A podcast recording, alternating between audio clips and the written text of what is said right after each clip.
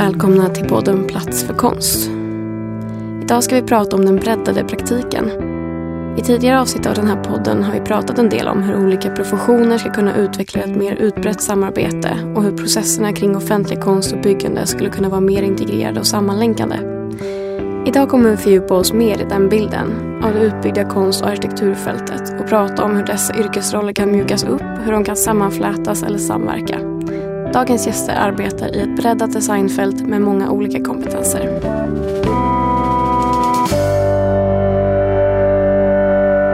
Med oss idag har jag eh, Jonas Nobel som är konstnär och bland annat har grundat kontoret Ugly Cute tillsammans med några andra personer. Välkommen hit. Tack.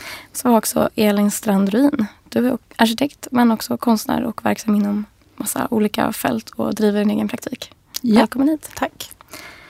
Eh, dagens avsnitt kommer handla om att eh, inte ha flera yrkesroller på samma gång eller ha en lite gränsöverskridande yrkesverksamhet. Eh, och eh, det är det som båda ni är väldigt eh, bra på att göra och blanda in olika professioner i er eh, eran praktik. Eh, jag tänkte börja med att prata om, Elin du är ju in, äh, verksam inom flera olika fält men du är också aktiv inom arkitektur och stadsbyggnadsdebatt. Har du alltid haft en liksom breda eh, praktiken eller den, det engagemanget i olika spår? Mm, nej, men jag kan tycka att jag liksom har, har jobbat väldigt länge med att på olika sätt försöka liksom väva samman arkitekturvärlden med konstvärlden. Och liksom irrat fram och tillbaka och inte riktigt vetat exakt hur det ska fungera. Uh, men att, uh, och i själva irrande så har det där liksom känts så här förvirrat, ostrukturerat. Liksom, uh, ja, ibland lite vilset. Liksom, men att det har blivit väldigt tydligt till slut. Och det är ganska intressant liksom, när man riskar på det där sättet. Uh, men känner du fortfarande att du irrar eller är det lite Nej, jag känner att det är ganska tydligt. Jag känner att det är tydligt och uh, jag känner att jag liksom driver en egen inte egen, liksom inte bara egen, men också att jag liksom lyckas driva fram en egen liksom, praktik, en egen värld. Där just liksom det dribblandet mellan de här olika rollerna liksom är ett sätt att vidga och liksom ge mer möjligheter på något sätt. Så det, det, har liksom burit frukt och då blir det ganska tydligt när man tittar tillbaka. Liksom att det har varit en tydlig riktning. Jonas, du har startat Agli Cute och ni firar 20-årsjubileum snart, eller hur? Ja, nä, nästa år. Mm. Och du startar ju det tillsammans med personer som är verksamma inom massa olika fält. Eller i alla fall inredning och design och sen är du konstnär. Är det någonting som präglar hur du jobbar i allmänhet? Nej, det, jag, jag skulle nog inte säga det riktigt. Jag, jag eh, jobbade, när, när, för 20 år sedan när jag gick ut konsthögskolan så då jobbade jag en hel del med konst som handlade om design, historia det. Men sen när vi började jobba med Agricult så tyckte jag, då, då fick jag utlopp för det intresset inom Aglicute på något sätt. Så Aglicute, det är väl många som kanske inte...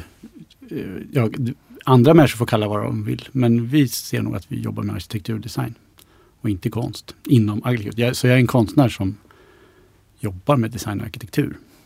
Inredning mest, mestadels. Sen så har vi ju kommit att göra, kanske på grund av våra bakgrunder, kommit att göra väldigt mycket saker i en konstkontext. Och det, men, men vi har fortfarande sagt att vi, vi har sagt till exempel att vi gör eh, podier men vi gör inte det som står på podierna. Så att vi är liksom någon slags eh, supportsystem för, för konst i, när vi gör utställningsarkitektur. Men på senare år så gör vi ju mestadels restauranginredningar och så. Det finns ju en ganska etablerad syn på både konstnärsrollen och arkitektrollen och eh, liksom designerrollen som är ganska etablerade sedan väldigt, väldigt eh, länge tillbaka. Men känner ni att ni, eller båda, båda ni, känner ni att ni står i opposition till den? Eller liksom är det i, i laboration till den? Eller hur, hur relaterar ni till den så här, synen på en statisk yrkesroll? Ja... Alltså det är klart att det finns ju ett väldigt liksom laborerande i vår tid. Liksom, folk byter mycket roller och sådär. Men eh, jag kan tycka att liksom den gränsdragningen som ni har dragit upp till exempel liksom mellan att vara den som sätter ramen eller den som bygger det som är på podiet.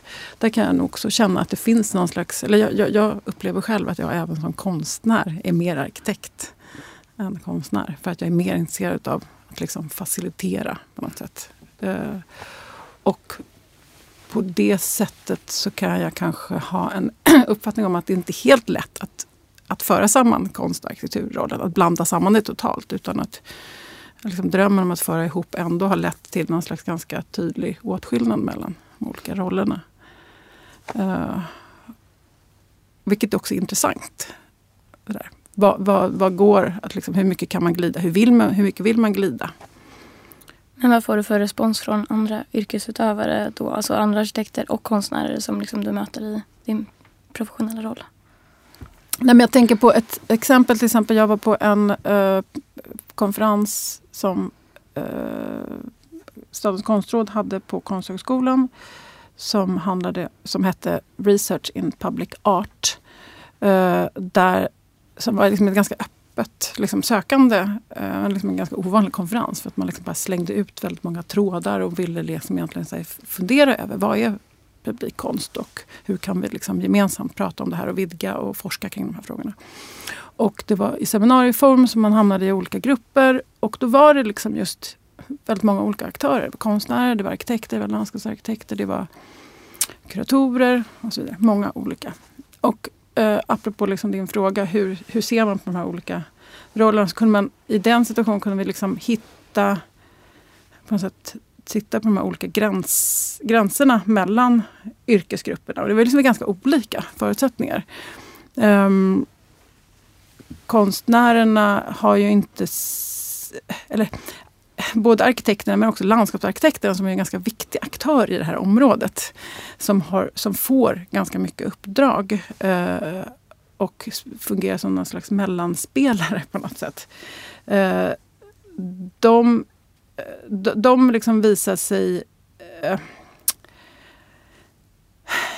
ja, vad ska man säga? Kunna ta uppdrag utan att behöva liksom vara, ha den auktoriteten eller den, liksom, det ansvaret som konstnären är tvungen att ha i motsvarande sammanhang. Det fanns liksom en helt annan slags...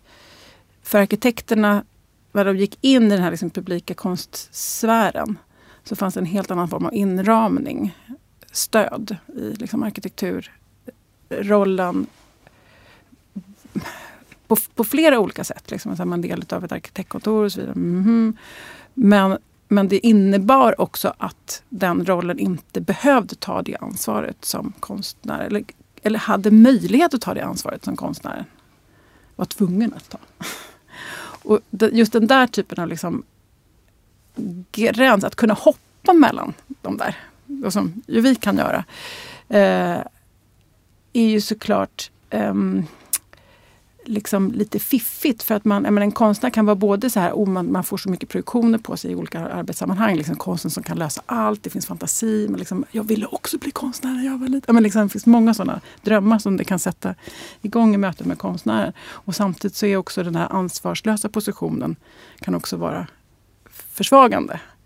Och då att kunna byta hatt och plötsligt bli arkitekten eller designern eller den där som säger så, ja, min ritning här. Och det innebär ju också att man, man kan liksom man kan vara lite kameleont. Och, ehm, och jag, jag kan känna det i det läget i relation till, för vi kom in på ett samtal på den här konferensen kring eh, frågor om liksom, huruvida man, har, man äger sin idé och som såklart för en konstnär är extremt värdefullt och viktigt. Att inte man liksom säljer ut, att man får lite betalt.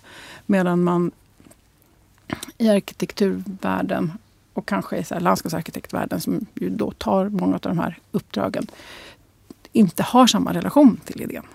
Och där är det ju en väldigt, väldigt problematisk situation om man inte riktigt...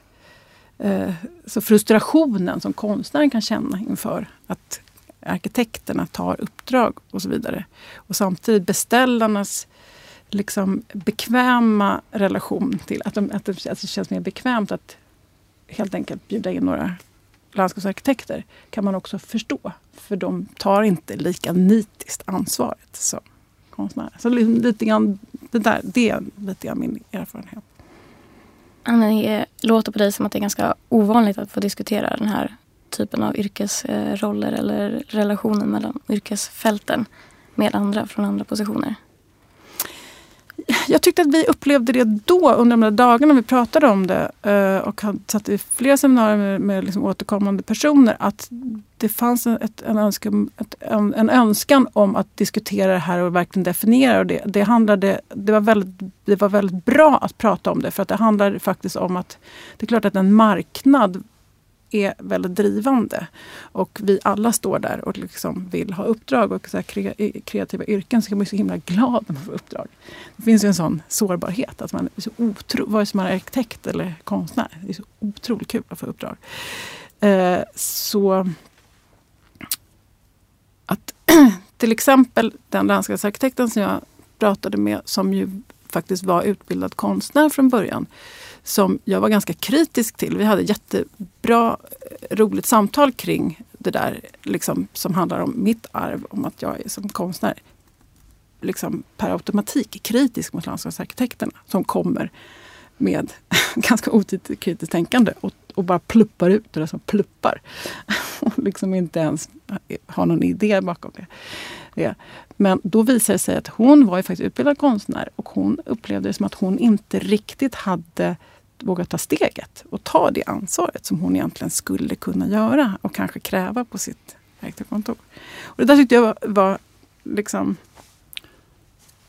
Mm. Det där är jätteintressant med ansvar. för det, Jag håller med om vad du säger, att det finns nog en skillnad i ansvaret. Och, och, men det skulle jag säga är för arkitekturen och landskapsarkitekturen väldigt negativt. Att de har så lite ansvar. Ja.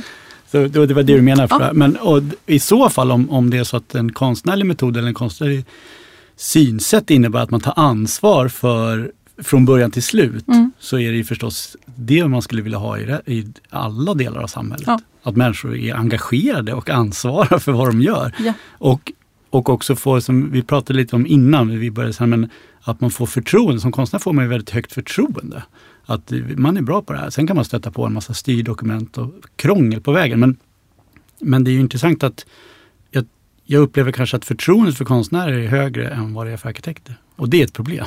Det är ett väldigt stort problem.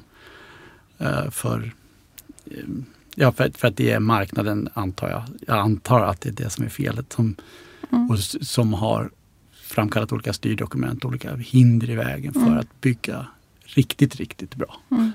Liksom. Så att eh, eh, ansvaret och förtroendet hänger ju ihop där och det tror jag är om det är så att konstnärlig metod innebär att man tar ansvar för hela processen, då, är det ju, då, är, då ska man ju verkligen hålla fast vid den och inte och se, när den upplevs som hotad någonstans ifrån, som mm. jag kan uppleva ibland, så är den väldigt, väldigt viktig att försvara. Mm. Och den är, det är ännu viktigare att ha kvar den som ett exempel för andra yrkesgrupper, mm. skulle jag säga. Och, och sen kan man diskutera varför konsten har den, kan man säga, den hierarkiska överbyggnaden att ha det här ansvaret fortfarande. Varför, varför vi fortfarande får det förtroendet. Mm. Det, kan, det vet jag inte, det kan man ju diskutera någon annan gång. Men, men det är jätteviktigt att bevaka. Mm. tror jag. Och att inspirera andra till mm. att göra det. Så. Jo, och samtidigt om man liksom skärskådar hur det där ansvaret också ser ut i faktiska, konkreta exempel mm. så kan man ju mm. se att konstnärer får oftast liksom då stora produktions eh, liksom ansvaret för produktionsbudget och ska mm. hantera eh, hantverkare och mm. liksom allting. Som ju är väldigt betungande för konstnären mm. och försvagar konstnären. Mm.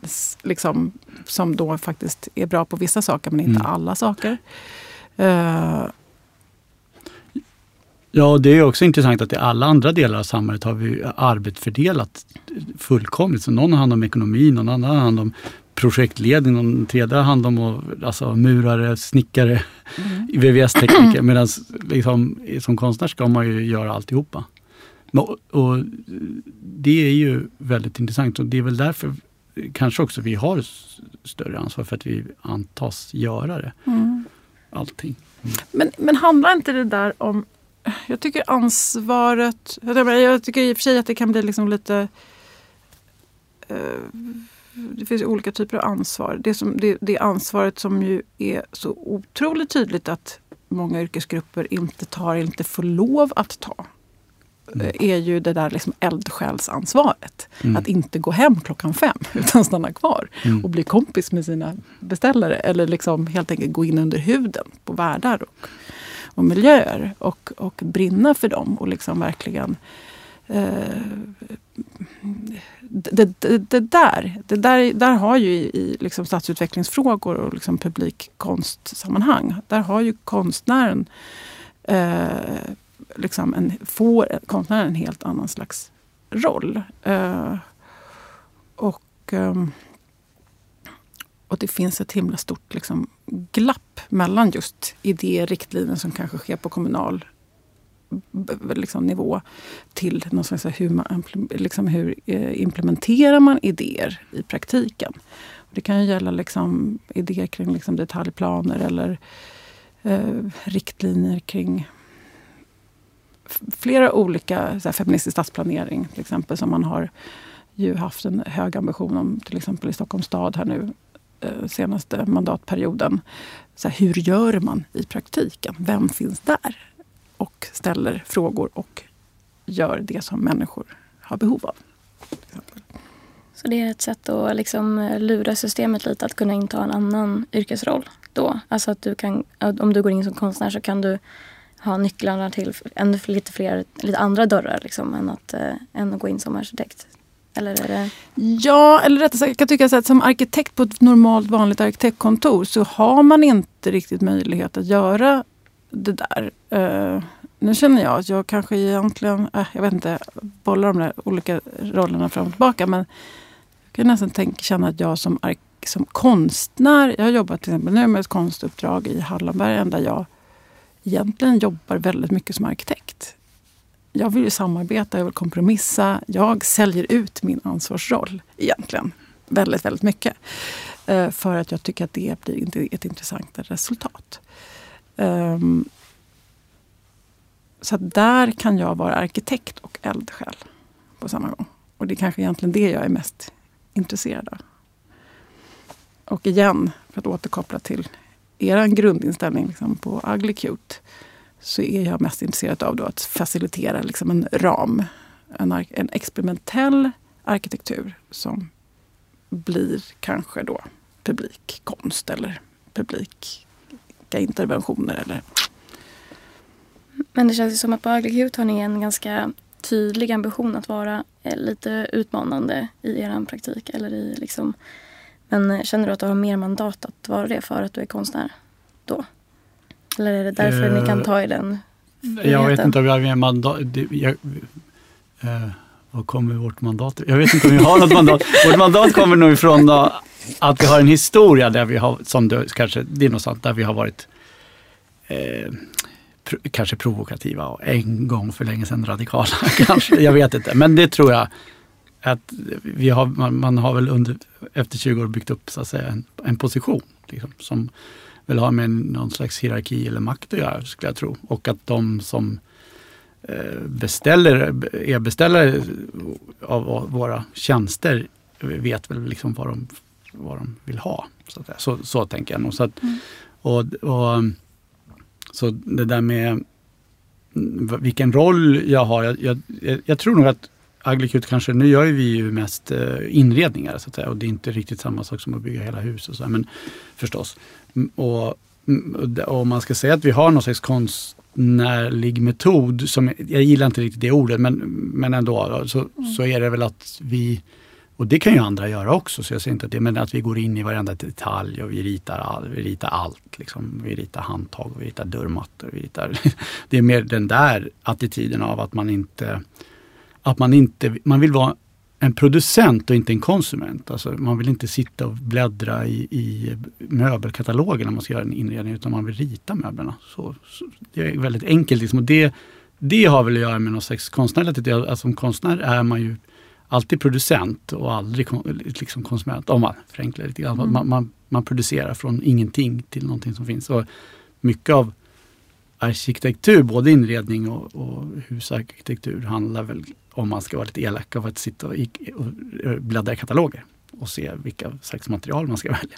Och, mm. och det är väl eh, liksom på gott och ont, men, men, eh, Vi har försökt, om, om det innebär en konstnärlig metod så är det vår metod att försöka gå in i varje detalj och ha väldigt hög detaljeringsnivå. Liksom.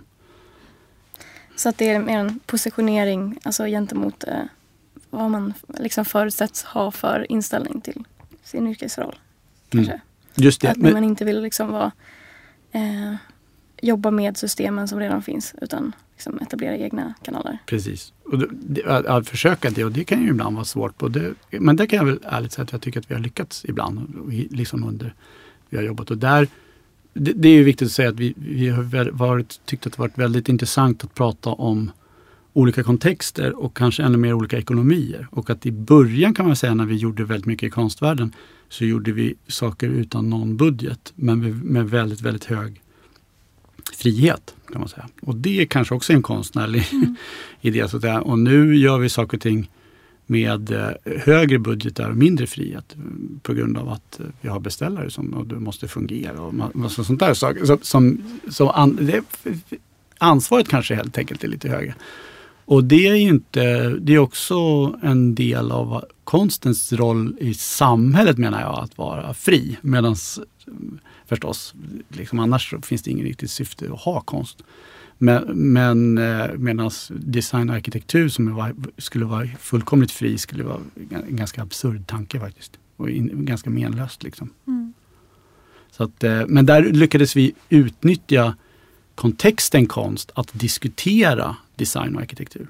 Eh, och där, det tycker jag konst, kontexten är väldigt, väldigt bra på att diskutera en massa olika saker. Och det, och, eh, och det är inte bara design, den kan diskutera allt möjligt. Medan arkitekturen och designen kan ju det förstås, men den har inte riktigt lika utarbetade metoder, rum och institutioner för att göra det.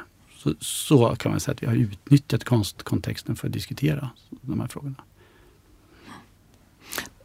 Men jag, jag tänker också på hur, hur ni... För det är intressant, men ni har ju liksom både diskuterat liksom den faktiska utförandet, liksom designen som sådan, liksom, eller varit experimentella med det. Mm.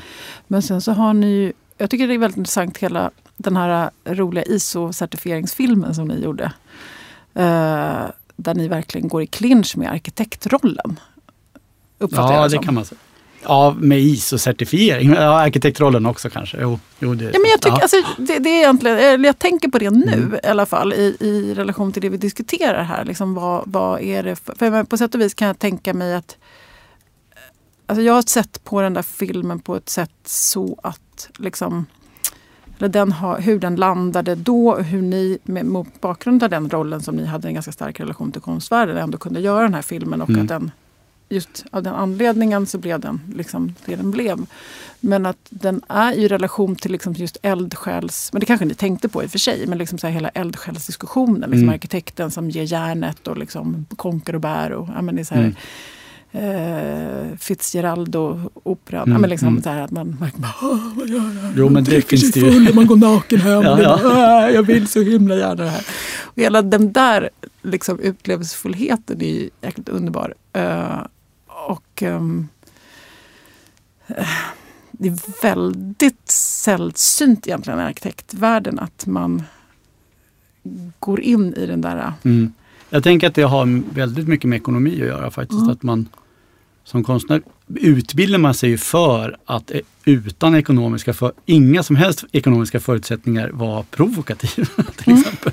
Det är en väldigt konstig roll. Ja, ju- Det behöver man inte vara provokativ, men man i alla fall förutsätts vara liksom nytänkande. Massa sådana Mm. idéer. Och Det är ju väldigt intressant och det är mindre av det i arkitektvärlden, absolut. Och det menar jag, och ISO-filmen var ju finansierad med konstpengar men handlade om arkitektur. Mm. Så där blev det ju på grund av finansieringen, då, då hade vi jobbat ett tag så då fick vi finansiering för vissa saker. Alltså vi var inbjudna att göra. Det var ju, var ju Konstmuseet i norr som Mm. finansierade den filmen. Och Så, men då kunde vi, det är ett bra exempel på hur vi kunde utnyttja en position Mm. i konstvärlden för att diskutera arkitekturfrågor. Mm. Ja, så, och, och certifieringsfrågor. Ja, men, och det Ja. men också just spekt, liksom, spännvidden mellan ISO-certifieringsfrågan och Mm. liksom, konsten är ju så Mm. enorm. Ja, Så det, det är ju ja. så himla roligt för att de Mm. som är konstnärer är ju som liksom regel absolut Mm. inte intresserade av ISO-certifiering. Nej, Det är nej. liksom bara nej, det, Nej, det, nej. Det, dit tar man sig inte. Så på så sätt så... eh, jag, jag tycker att den har, har blivit allt för lite uppmärksammad bland Den ISO-certifierade. Den, hade en väldigt kort, den finns ju kvar, så jag hoppas få visa den igen, men den hade en väldigt kort eh, Liksom, eh, ja, man är, som konstnär är man inte heller distributör. Det är, väldigt, liksom, det är därför man kanske behöver en gallerist eller en projektledare. Någonting. Mm. Och den delen, det, det kanske Aglikut också är. Det kanske inte andra tycker, men vi- är inte så bra. Liksom man har gjort en film, jaha, nu då? Vad, Mm. Hur gör man sen? Och den saken är intressant. Det finns ju alltid massa folk runt omkring som är bra på andra saker, som att få, få saker att hända eller att distribuera saker och ting. Till Mm. exempel visa saker och ting som har gjorts. Så, och, och det har väl ibland fallerat Mm. på. Kanske. Men jag blir liksom lite intresserad också så hur ni gör, hur ni tänker nu. Liksom. Att det där liksom välmåendet i när man som arkitekt blir väldigt indragen i liksom detaljeringens värld. Som är en njutning i sig. Mm, man mm. är väldigt så kontemplativt, man liksom går in i hantverket helt enkelt. Mm. Det är material, det är detaljer och liksom val. I relation till den här liksom radikaliteten.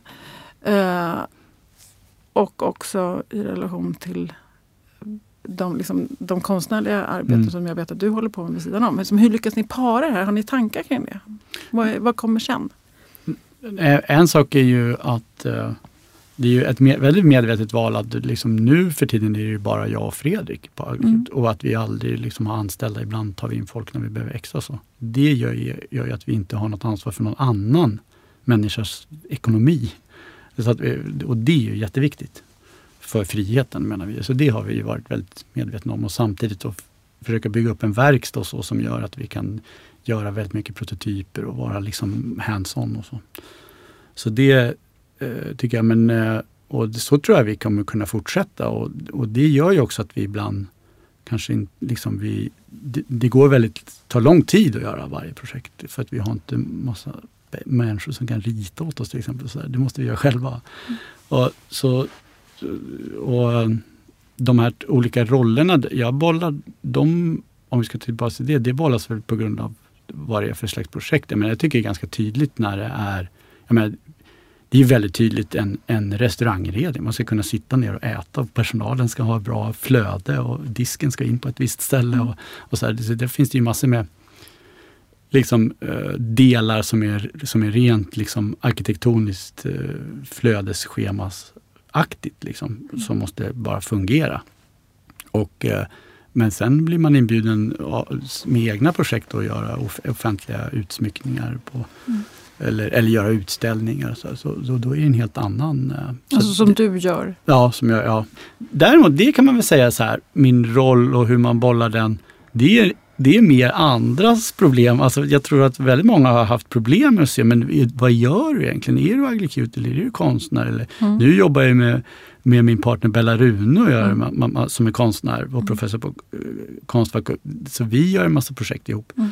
Eh, och jag har ju ganska tidigt förstått att det, jag tänker absolut inte välja. Om jag har ända från att jag gick ut Konsthögskolan och hållit på med Aglikut och varit med och bygga upp det, Mm. så finns det ingen anledning att sätta det åt sidan. Eller min egen Mm. praktik, eh, konstnärliga praktik som också, liksom, jag får uppdrag och utställningar och så. Här. Så Det finns ingen anledning att så länge jag kan ha båda också så vill jag det. Och eh, det är nog andra människor som tycker att man, och det är mer en ekonomisk, så här, karriäristisk grej, alltså att man, att man ska vara väldigt tydlig eller så här, och veta vad man vill. Och, och, och, men jag vet vad jag vill men, men allt jag gör ser inte likadant ut. Så Det finns ingen tydlig linje eller det finns ingen, hoppas jag, estetik i det jag gör. Mm. Och jag är väldigt, tycker att det är väldigt, väldigt spännande att samarbeta. Eh, Men det gör också att jag ibland i min egen praktik får ett väldigt behov av att vara helt själv. Mm. Och det där att veta att man, man liksom, ja då kan jag hålla på med träskulptur och kolteckning. Liksom, och, då, det, och det gör jag för att det, finns ing, det är jätteenkelt att hand, liksom, jag behöver inte någon annans hjälp av någon annan. Och jag vet precis när det är färdigt. Mm. Jag vet liksom nu, nu, är det här, nu är det här bra, så bra det kan bli och det är färdigt. Och det tycker jag är väldigt intressant. När man samarbetar så vet man ju aldrig det. Mm. Och det kan ibland bli frustrerande liksom, när man tycker att "Fy fan, det här blir så väldigt, väldigt bra. Mm. Och så kommer, nej men ska det verkligen vara så? Där ska det inte vara. Och den grejen, den kanske möjligtvis på ett känslomässigt plan kan vara svår att bolla ibland. Men, Men eh, den är också väldigt intressant och det Mm. blir ju ofta bättre när man samarbetar tycker Mm. jag. Mm. Det blir något helt annat, eller det blir det ju absolut. Mm. Men, och det blir något helt annat när man är Mm. själv. Liksom. Men du jobbar väl också väldigt mycket i samarbeten? Jag jobbar enormt mycket Ja. i samarbeten och jag, jag, jag älskar ju också samarbeten. Eller jag, Mm. jag, jag kan inte vara själv. Alltså, eller, eller, alltså jag älskar att bolla. Liksom. Det, är där, det är då det händer. Mm. Eh, och att liksom ta spjärn mot. Och liksom att det, det kan vara tufft många gånger. Och att det, det, är det, det är verkligen då det händer. Men jag, jag tänkte också på i relation till där jag tycker att det liksom skaver, apropå det du beskriver, liksom så här, konstnärsrollen, relation till designrollen. Apropå din, faktiskt, din fråga som du ställde tidigare kring liksom det debatterande uppdraget. Eller när man går in och både liksom, ja, jobbar som arkitekt, konstnär men också debatterar. Alltså man då driver någonting liksom som kanske är politiskt eller är mer samhällsdebatten. För där kan jag känna alltså, konstnärsrollen, konst och arkitekturrollen och debatt, debattrollen, det hänger liksom ihop. Men att jag har svårt för att para det ihop med en enkom designroll. Där känner jag att det skär sig i mig. När jag försöker liksom så här möblera upp, okej, vad, liksom, vad är min värld? Vad är mitt kontor eller vad är min verksamhet? Där kan jag känna liksom hur um, um, men till exempel så här kontorsinredningar, alltså den där liksom väldigt, väldigt basic saker som skulle kunna, som ju liksom ger eh, Ja, alltså som, som kanske ger... Eller jag, jag kanske egentligen sätter fingret på någon slags gammalt ideal som jag själv har. Att jag vill vara en Elin Wägner. liksom. Eller att det finns liksom en sån gammal så här, feministisk dröm om att, om att eh, vara med i debatten och liksom verkligen vara, så här, så här, kämpa för människors liksom, orättvisor och sådana saker. Och, och det är svårt att para med den här designen som dyker totalt ner i i kontorsmiljöer. Liksom, miljöer och, även om jag gillar det väldigt mycket och jag trivs med det. Och liksom det är, liksom, ja, nej, det där tycker jag är... Jag känner mig lite avväpnad och lite som att jag smiter in i någonting där. Du vill liksom att de uppdragen som du tar också ska vara med och bygga på någonting större? Ja, jag, jag, jag, jag, jag känner mig väldigt splittrad när jag tänker på de där olika världarna av, av uppdrag samtidigt. Jag får inte ihop det riktigt.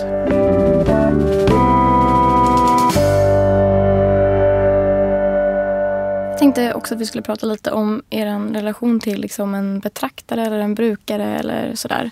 Det har inte så mycket att göra med det men har ganska mycket att göra med det som du eh, liksom eh, touchade vid förut om eh, typ när man gör en restauranginredning så har man ett flödesschema för olika grupper av besökare och de som jobbar där och sådär. Är det så att, eller för jag, och jag känner också på utifrån dina konstverk, de är ju också ofta väldigt eh, så eh, engagerade i eh, en grupp människor eller att det utgår ifrån människors aktivitet eller så. Både typ Kitchen och Praxagora och det, Knitting House och så. Det, känner du att du har en eh, olika relationer till betraktaren när du, när du jobbar med i dina olika roller? Nej men absolut. Alltså jag, jag kan tänka på flera saker. Till exempel just det här Kitchen-projektet, då, Hallonbergsprojektet. Så var, hade vi till exempel en förstudie där vi gick runt i... Um, alltså, jag fick i uppdraget av Sundbybergs stad och parkens konsthall att uh, göra en permanent plats i det offentliga rummet i Hallonberg med fokus på kvinnor. Uh, som man tyckte att man efter lekt, parkleksprojektet uh, tyckte att man hade liksom lite grann missat i den dialogen. Uh, och, och skälet till varför att man hade missat dem, det var när man väl började undersöka kring det där. Eh, på grund av att kvinnorna helt enkelt inte hade tid att gå på dialoger. Man lyckades inte liksom bjuda in dem för de var fullt upptagna vid att ta hand om barn. Och liksom, eh, så att det där var mer ett tecken på att de var del av ett ganska välfungerande socialt sammanhang och nätverk. Eh, alltså med andra ord tillhörde någonting som fungerade väl i Hallonbergen. Där många saker kanske inte alla gånger fungerar bra. Uh, så att eh, det var, dels var det intressant eh, och är intressant. men det andra som var intressant, eller det, det enda som, som jag då insåg det var att okej, okay, för att kunna fånga upp de här så, så är det klokt att, att vi helt enkelt flyttar ut den här vardagssysslan liksom, som de springer hem till och fixar hemma i det offentliga rummet. Och då byggde jag ett mobilt kök som man kunde dra runt i Hallonbergen. Och då var det ett sätt att liksom attrahera dem. Uh, och det var liksom så här så här paradoxalt, eller vad som är hönan och vad som är ägget. Men det var liksom in, himla intressant hur det här väldigt, väldigt praktiska uh, köket innebar att kvinnor och män och deras barn kunde komma dit och vi lagade mat och de gav barnen mat. Och um, Eh, vi kunde liksom prata om deras livsmiljö. Eh, och komma liksom vidare i, i, i, den diskussionen. Men det som var intressant det var att jag som arkitekt då var väldigt liksom inne i eller arkitekt, vad ska man säga, verkligen så här, använda det här som ett undersökningsverktyg. Så här, Okej, okay, vad händer om vi gör det här? Hur funkar det? Det är liksom risktagande. Blir det här eh, liksom, muslimska kvinnor som serverar vita män mat i det offentliga rummet? Alltså det, det skulle kunna verkligen bli total katastrof. Eller lyckas vi skapa ett som vi faktiskt lyckades skapa ett nav för generationsöverskridande nav. som visade snarare på liksom den subversiva kraften hos kvinnors systrar som, om man plockar ut dem i det offentliga rummet. Men, men då var det uppen, uh, eh, uppenbart uh, hur jag var väldigt ointresserad av publiken i den här undersökningen. Eh, medan så det var liksom en rolig krock där, vet jag, tillsammans med, eh, med, med Marboparken som ju såklart ville liksom informera om det här projektet medan det höll på.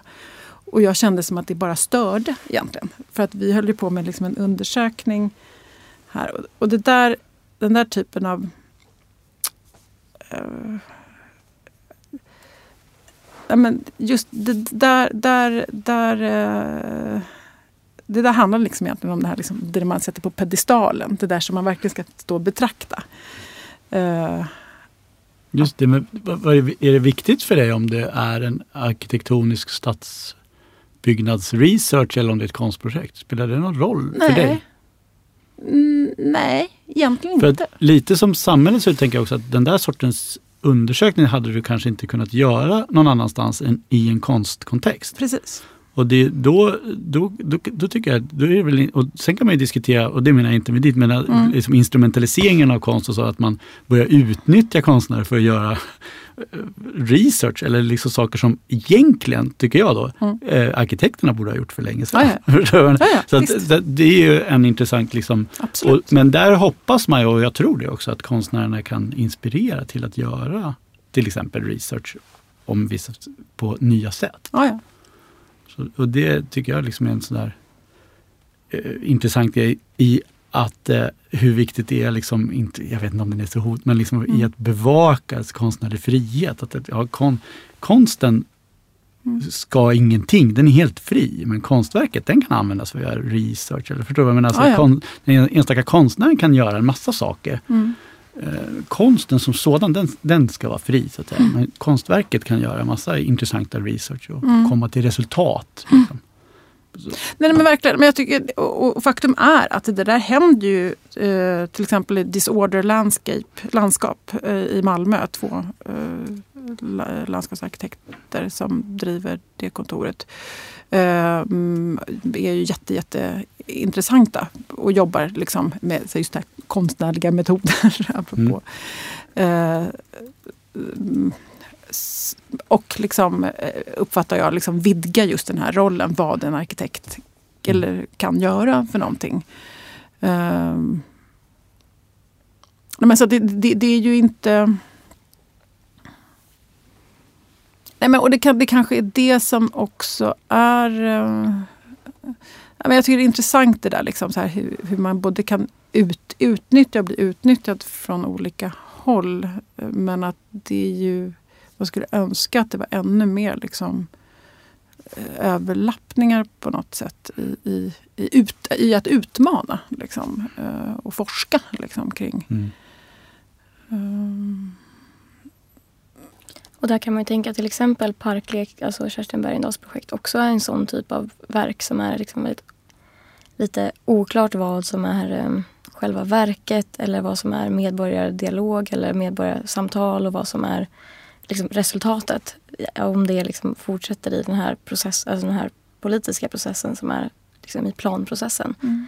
Eh, för att det är också en sån typ av eh, konst som har blivit, man kan tänka att det är liksom är väldigt in, in och nosar i på arkitekturens liksom, eh, områden väldigt mycket och så här, kanske gör det jobbet som man tänker att en, en plan, planarkitekt gör innan man lägger en plan. Så att man pratar med folk och gör, men att det är väldigt...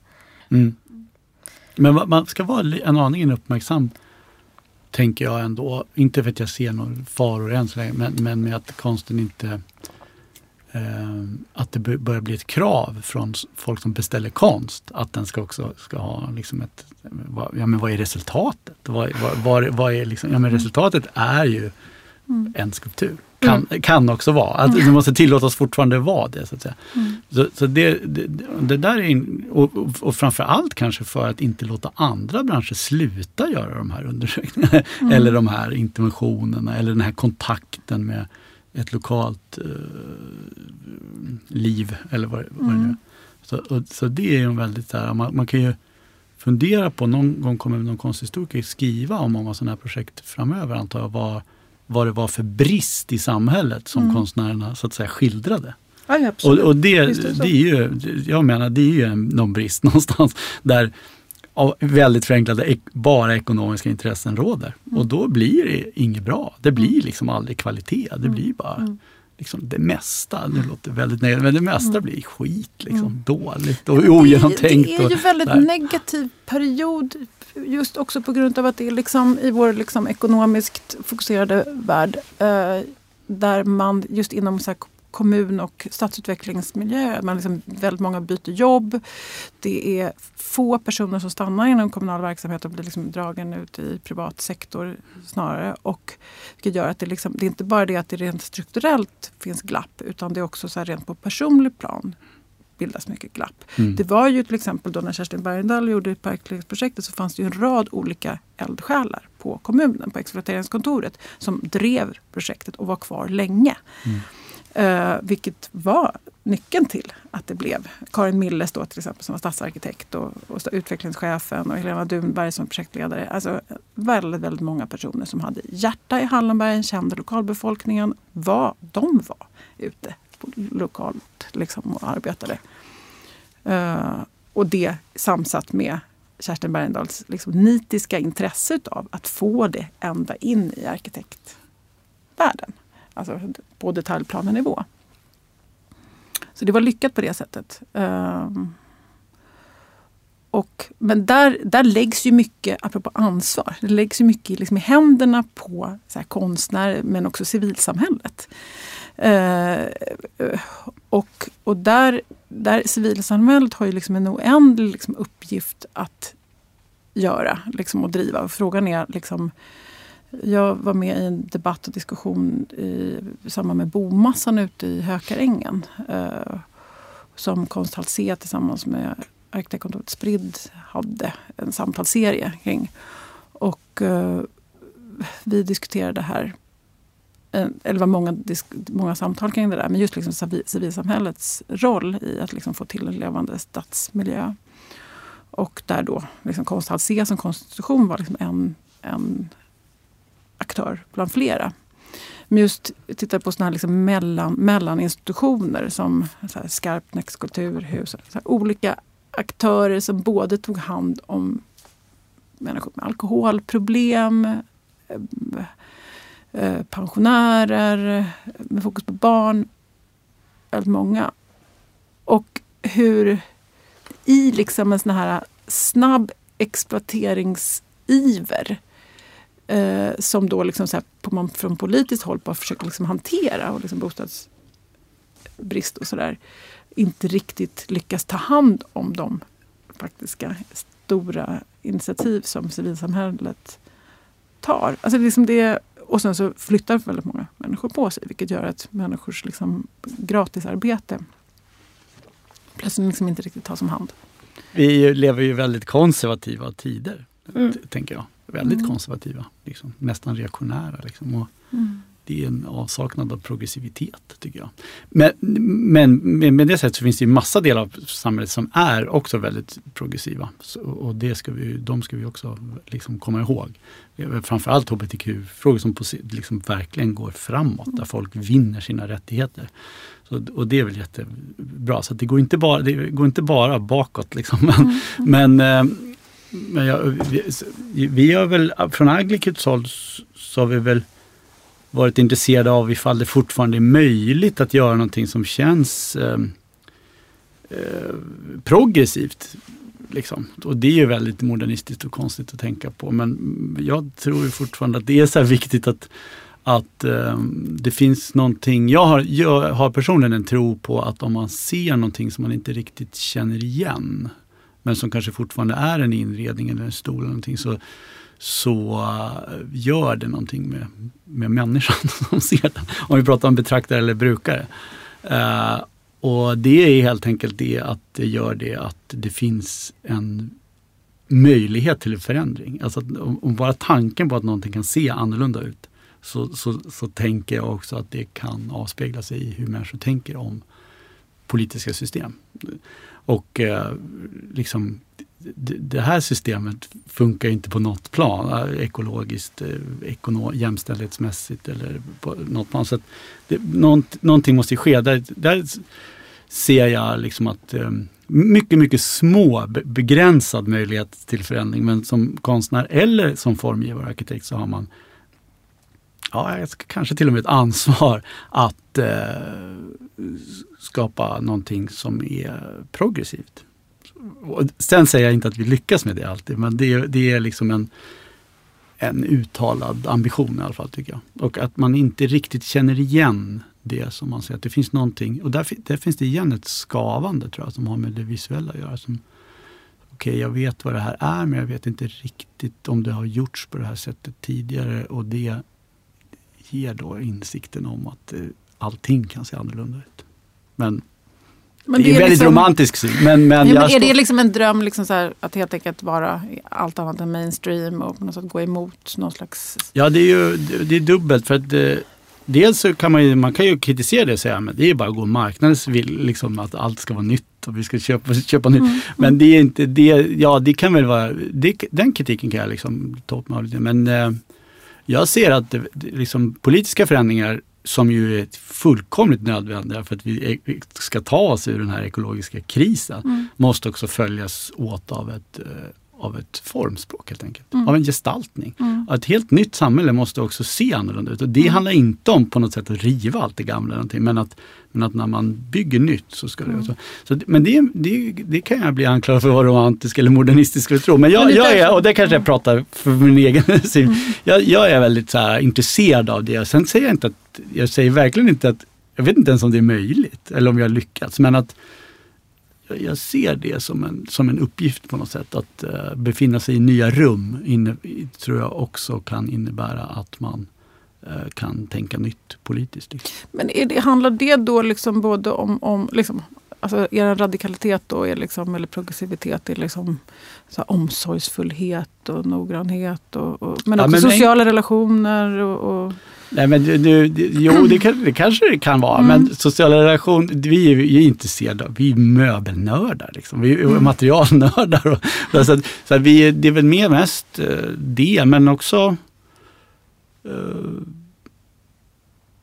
liksom på vilket sätt man eh, förstås kan skapa sociala sammanhang i ett rum. Det är det ju en restaurang till exempel, det är det är väldigt viktigt. mm.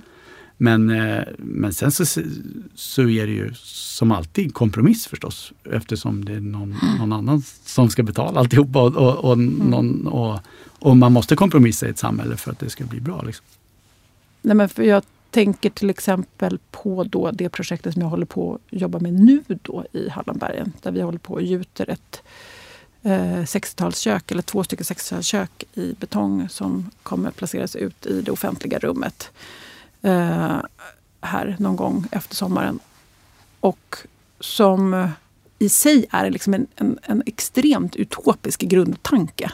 eh, som grund. Och den liksom grundar sig i, i att mm, eh, eller det finns en förebild till det där projektet som kommer från ett eh, antikt drama av Aristofanes. Hon skrev 400 år, år före Kristus. Eh, som är en ganska dålig komedi, men som handlar om Praxagora. som när eh, alla män, det här, liksom, alla män är ute och krigar i Trojanska kriget så eh, tar Praxagora, som är då eh, någon slags härförarinna, eh, sina systrar och med hjälp av, eller de, de eh, låter sig själva bli solbrända och så låter håret växa under armarna och sen så lånar de sina mäns eh, rockar och går till den politiska platsen och föreslår att kvinnorna ska ta över makten när männen är ändå i krig, för att de är inte är där. Och då får de igenom det. Och det, det, det första de gör när de får makten är att de flyttar ut köken ut på torgen. Uh, och jag tycker det är en så otroligt fin idé. För att det är liksom en, rent feministiskt tycker jag väldigt mycket om idén. För att den är allt annat än en här, feminist som rycker en pappa patriark i, i rockärmen. Utan snarare säger, jag vet vad jag har, jag är stark, jag har någonting väldigt liksom fint att ge och erbjuda. Och nu ställer jag ut det här. Och både kan jag står för mitt intresse för detaljen liksom, och vårdandet liksom, kring hem och barn och så vidare. Men så nu kan jag stå här och hacka min mynta och min paprika och samtidigt ha stenkoll på alla boulevarder och liksom hela stadsgridet. Och den liksom kraftfullheten i det. Um, och det är det som vi då gör nu i det här projektet uh, i Hallenbergen ihop med, liksom med utgångspunkt från den här undersökningen med kvinnorna på plats. Eh, där, I samarbete liksom nu tillsammans med, eftersom att Sundbybergs stad blev rädda för projektet så att de stängde ner det för några år sedan och istället bjöd in en landskapsarkitekt. Vad, vad blev de rädda för? Nej, de blev rädda för att det var för radikalt och att det just var för egentligen antifeministiskt. Med andra ord att själva verket skulle bli ett, ett, liksom, ja, för cementerande för mm. kvinnor. Och det fanns ju en poäng i det. Alltså, det finns en risk i det. Uh, men jag är väldigt uppe i det här projektet nu. Vi håller på och gjuter nu och jobbar med det väldigt aktivt. Och att det som är spännande med det, det är att det liksom har blivit från att vi ville att det skulle vara ett fungerande kök så har det faktiskt blivit en skulptur. Bara för att vi liksom rent förvaltningsmässigt ska kunna klara av det mer långsiktigt. Så det är liksom skulptur plus kök som kommer sitta, liksom komma dit liksom då och då och laga mat. Men man kan sitta där.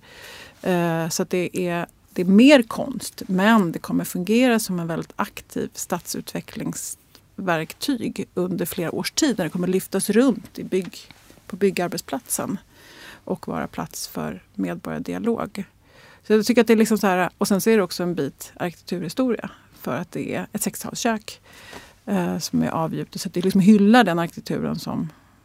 Det är också en form av eh en tematik som går igen då om det här med ideal, alltså idealet som var väldigt starkt under de åren när man byggde de här alltså miljonprojektslägenheterna så hade man ju en väldigt tydligt eh, familjeideal och väldigt tydliga bilder av oss, vilken typ av människor som skulle flytta in där och vilken typ av samhälle man ville bygga. Så den så bilden av um, aktiviteten som ska hända där är ju också väldigt Absolut. stark. Liksom. Ja, men liksom. verkligen. Och det kopplar tillbaka till liksom kvartersgårdar till mm. exempel som bara fanns mycket i de här områdena. Och daghemmen och liksom den akt sociala aktiviteten som ska finnas mellan husen.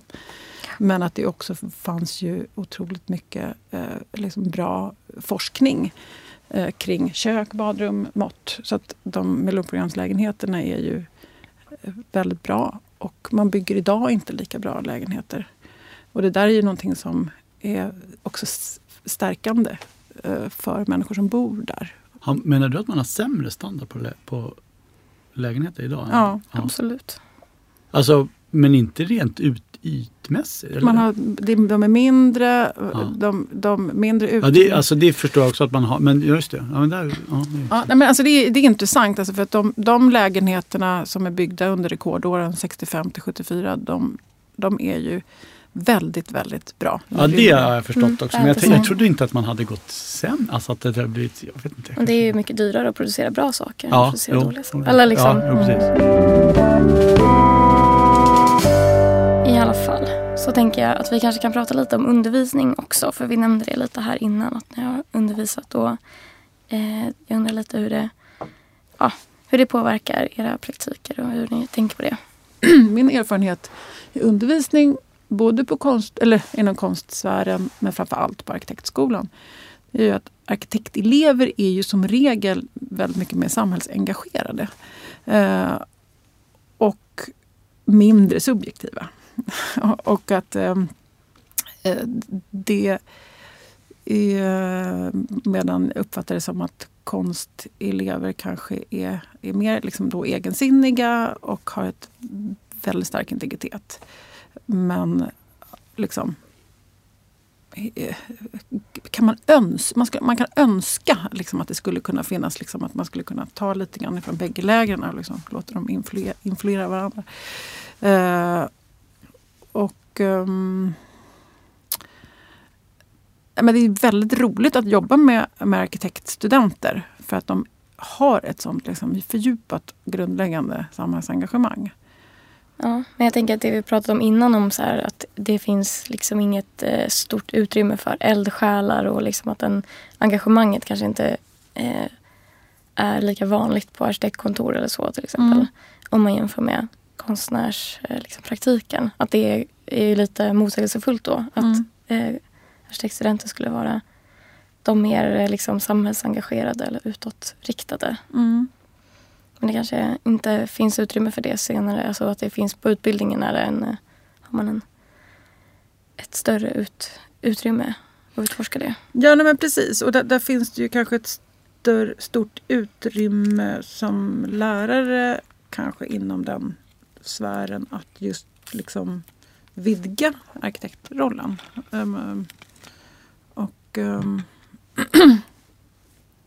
vilket ju uh, det har funnits liksom flera sådana uh, strömningar på arkitektskolan. Till exempel Tor Lindstrand har ju till exempel drivit, uh, uppfattar jag, liksom väldigt mycket utforskande arbete där han liksom absolut, han och hans elever har tänjt på gränserna mm.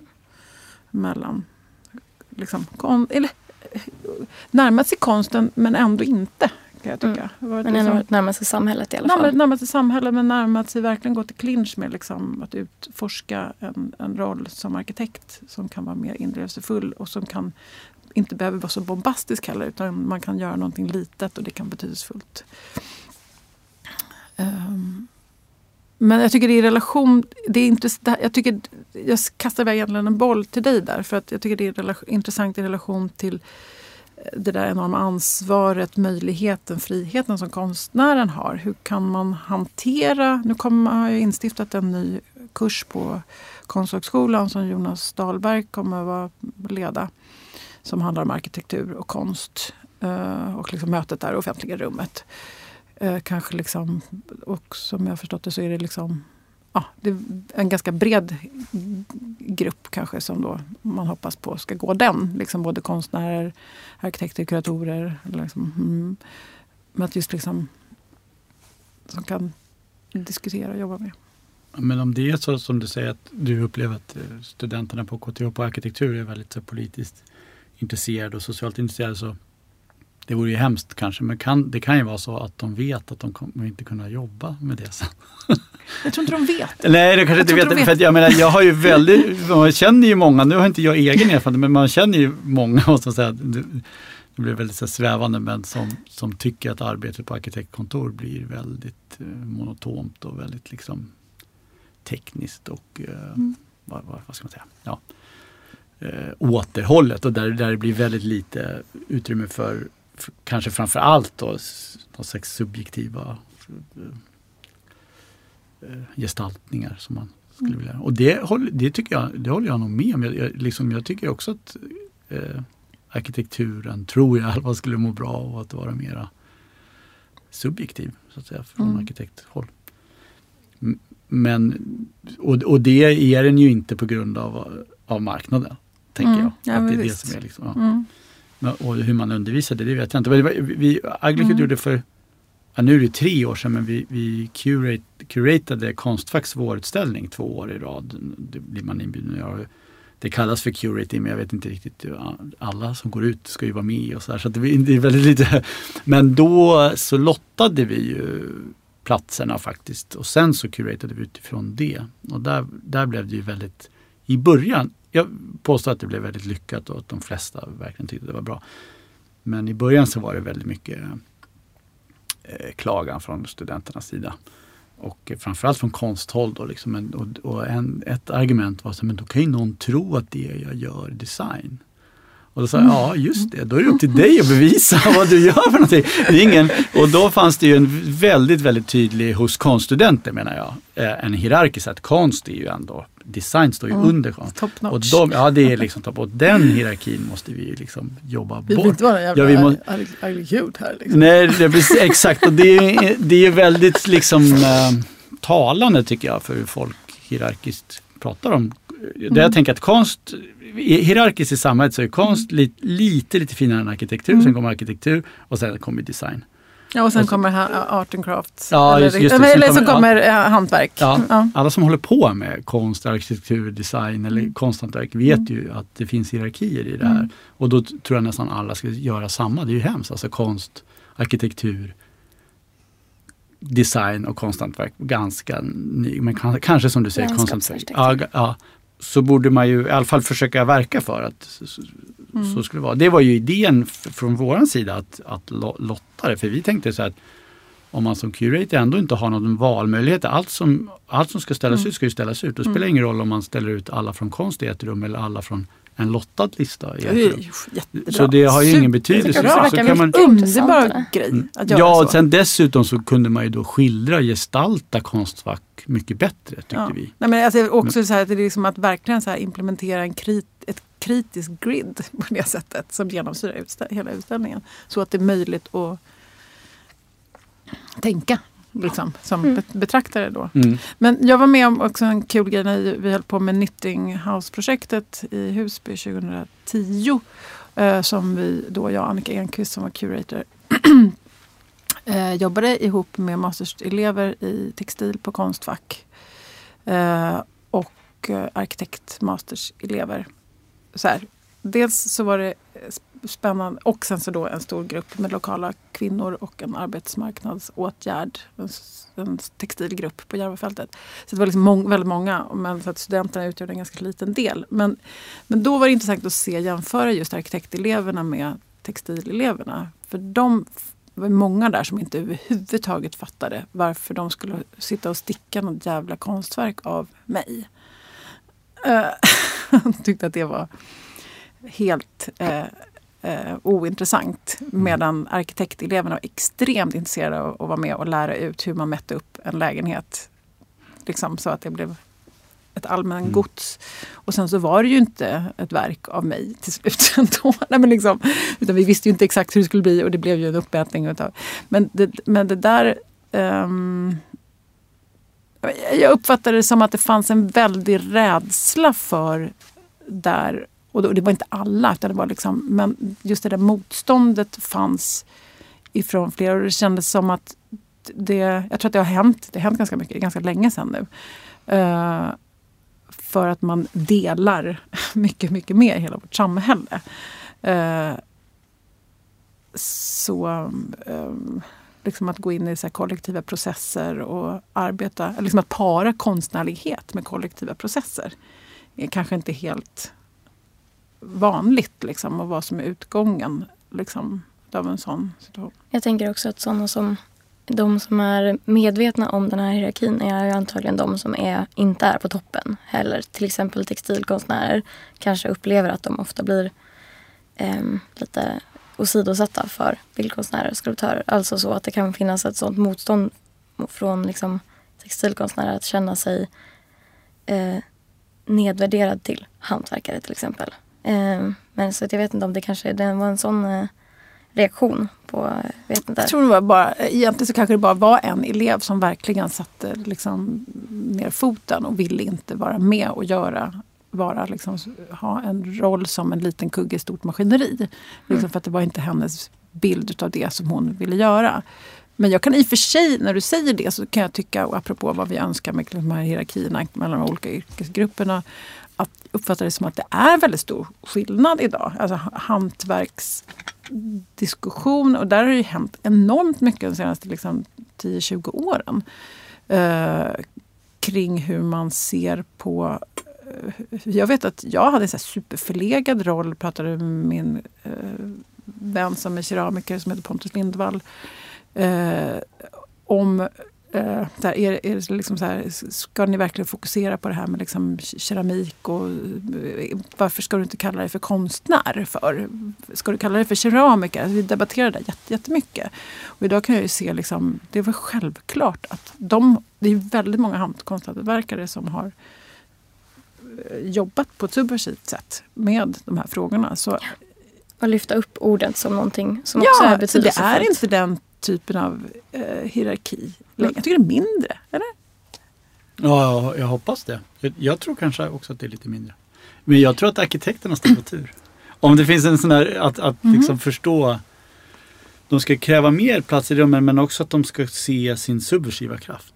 Mm. Det tycker jag vore intressant. Det, alltså, mm. för, ja, sen så går vi saker i cykler hit och dit men jag tror absolut att det finns ju eftersom jag tycker att det mest, de senaste åren så har det som har varit mest spännande kanske hänt på konsthantverkssidan. Ja, ja, absolut. Och det tror jag har att göra med att man hierarkiskt känner sig liksom mer, ja, att det har utjämnats. Jag hoppas det i alla fall. Men det finns ju en frihet där också i mm. den här liksom att, att det finns en frihet att inte heller företräda toppen. Mm. Man kommer liksom underifrån. Men, men, och det kan man ju också se så som man till exempel har förändringar som har skett då liksom på Konstfack. Men de samarbeten som jag hade med Nytting det var ju med tidigare liksom strömningen som eh, hette Textile in the expanded field.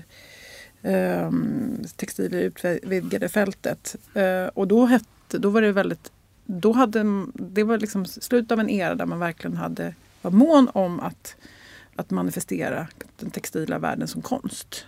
Uh, medan man nu har ju suddat ut, och inte bara suddat ut mellan, om jag förstått saken rätt, mellan mode och konstdelen på textil men också inom alla mm. ännu fler fält. Men det är ju en strategi menar jag för, för att sudda ut just hierarkierna. Att mm. man, man gör en så att säga. Och, och att och, och, ja, men det finns inte textilkonst är konst, det är inte textilkonst. Men det, det, kan jag tänka nu när vi håller på att planera invigningen av det här eh, köket i Hallonbergen. Så tänker ju jag liksom på att det är ju våra kvinnor som ska vara de som invigningstalar. Så att det är de som är fokuset. Så att det liksom inte eh, jag tänker inte att jag ska säga så mycket. Alltså egentligen, jag tycker att jag är viktig men jag tycker att de är viktigare och att jag som regissör utav situationen vill ju att de ska vara de som pratar. till exempel. Men det är ju det är jag som vill det. Så mm. på så sätt så använder jag ju den makten då. Mm, mm.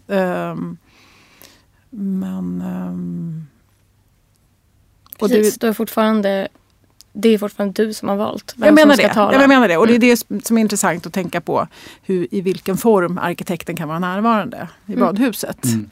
Att våga vara den där som liksom verkligen går in i ett arbete och tar ansvar och vågar sticka ut och våga säga och våga, våga vara subjektiv å ena sidan och å andra sidan eh, njuter av kompromissen och samarbetet. Liksom, där faktiskt subjektet, liksom, eller ens egen roll, suddas ut. Eh, det är inte helt självklart vad som är, vad som är bäst. Um. Men det finns ju en skillnad mellan att typ eh, se det som att vara, bli en administratör eller se det som att någon person som faciliterar, som vi pratade om innan, mm. att man gör en ram för. Det är ändå en typ av väldigt aktiv och ganska subjektiv eh, roll som man har då. Som eh, liksom den som understödjer ett sammanhang eller ett möte mm. eller någonting. Och den rollen finns ju fortfarande kvar både inom konsten och arkitekturen. Mm. Att mm. man bereder liksom en ram för någonting. Mm. Men det Nej, kan ju vara det är ju en ja. känslig men, position. Men sen är det mm. kopplat till det, det subjektiva behöver inte vara kopplat till eller ens det subversiva men, mm. men alltså att ha Ja vad heter det? Ja men helt, helt enkelt ha någon form av makt som mm. arkitekt och du kan ju vara som kontor. Så det har inte med mm liksom klassiska geniroller men, göra. Men, men, absolut. Det, nej, nej, det handlar ju om att mm. värdera yrket helt enkelt. Att, mm. att liksom mm. man har utbildat sig för att man ska kunna formge rum och hur de ser ut. Mm. Och att det är värdefullt. Ja, och att, det, det finns ett, liksom en, regi, en regi i det som Mm. kanske ska få återverkningar i det, liksom det man har gjort och att det ska liksom leda någonstans. Mm. Konsten har hierarkiskt inte lyckats bli helt genomadministrerad än. Men det, det där är, det är ett, och det är, Mm. ska man vara väldigt vaksam på att det inte ska bli. Medan arkitekten håller på att bli det. Mm.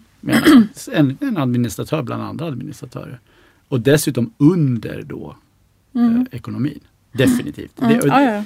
och, och jag menar, sen betyder inte det, behöver inte det betyda att man inte ska kompromissa ekonomiskt och allt möjligt. Det måste man ju förstås göra men, men det är ändå arkitekten som, som liksom har bestämt hur det ska se, se ut och vad det är som ska, så att säga, på vilket sätt man ska bygga. Sen kan ju bli massa kompromisser på vägen men det, är- det, det är djupt oroväckande. Mm. När, när eh, arkitekten som, som är ett sånt viktigt yrke liksom har, har förlorat den statusen till, till ekonomer. Mm. Nej, men alltså det är också den här liksom synligheten då som konstnären har. Synligheten och möjligheten på något sätt att om jag sätter på mig liksom konstnärshatten här så får jag lite mer uppmärksamhet. Jag kan ta ansvar. Jag kan liksom det som jag gör tittas på på ett annat sätt. Och ar- arkitekten både kan liksom försvinna in i ett arbete och inte behöva vara synlig utan Mm. i lugn och ro eh, fördjupa sig i det. Jag bara tycker att det är, liksom, det är intressant det där hur de här olika rollerna kanske kan liksom just eh, påverka varandra. Och att, Ja just det, fast jag, det Mm. är också så att ansvarsutkrävandet är också så att ja, det är väldigt, nu kanske jag är dålig, Mm. dåligt påläst men det byggs så mycket som jag tycker är så jävla ointressant. och då, jag skulle vilja kunna kräva ut ansvar. Och, och Mm. det, det ska man ju förstås kanske inte göra av arkitekten bara men, men Mm. jo, jag, jag tror också att arkitekter kanske skulle vara tvungna att skärpa sig lite mer ifall de fick medial kritik. Alltså, konstnärer är ju vana eh, att få kritik Mm. i mer, alltså att det blir en recension och så blir det recension i Mm. offentligheten, Mm. inte bara i konsttidskrifter utan det blir recension i, i liksom dagstidningar. Mm. Och det är ju inte, det är ju bara vräkbyggen som får bland arkitekter, upplever jag. Det är inte som att man, man recenserar en nybyggd bostad i bostadshus någonstans. Om det nej, inte inte mer än i fakt, Nej. alltså i, i, med dags, Ja, dagspressen. Och det är ju väldigt in, märkligt Mm. Och, och det, är ju, det vore ju intressant. Det, det kanske vore bra för, för arkitekturen om den fick lite mer ansvarsutkrävande offentligt. Liksom. Kanske skärptes en del av Mm. de som inte är så bra. Sen finns det massor med bra också, det är inte det. Men, Mm. Också roligt att läsa. Jag skulle vilja läsa recensioner. Nej, men jag Ja. tycker i och för sig att det, Det- finns verkligen. ganska mycket recensioner. Fast det är kanske i, i, i, i fackpress. Ja, det finns så det att jag, menar, jag tycker att det finns ju. Jag tycker man liksom där ändå- finns det absolut. Ja, ja, absolut. Eh, Så att det är ju... ehm, men, men, men konsten är någon sorts allmängods på ett annat sätt. Mm. Ja, Men, men till och med så är det ju att jag menar, eh, dagstidningskritiken av konst håller ju på att nästan försvinna också. Absolut. Och det kan ju också leda till att vi, vi till slut också blir administratörer ja. av körsbäret på tårtan. Du, liksom, nu är det, så- Mm. och jag tror att eh, förtroendet kopplat till ansvar blev det väldigt mycket diskussion om här idag. Men Ja. Det känns väldigt viktigt att Ja. man får ett stort förtroende men då har man också ett ansvar och, Mm. och man kan bli ansvarsutkrävd eller vad det heter. Mm. Alltså offentligt. Mm. Liksom.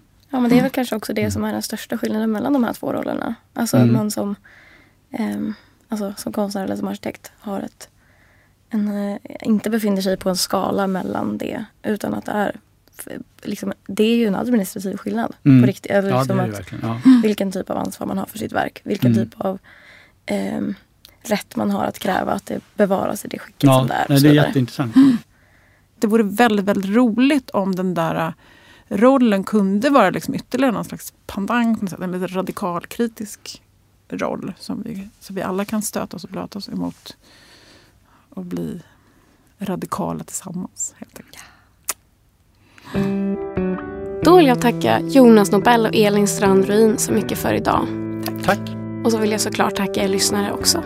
Vi hörs igen snart. Jag heter Molly Sjögren och du har lyssnat på Art Platforms podcast Plats för konst.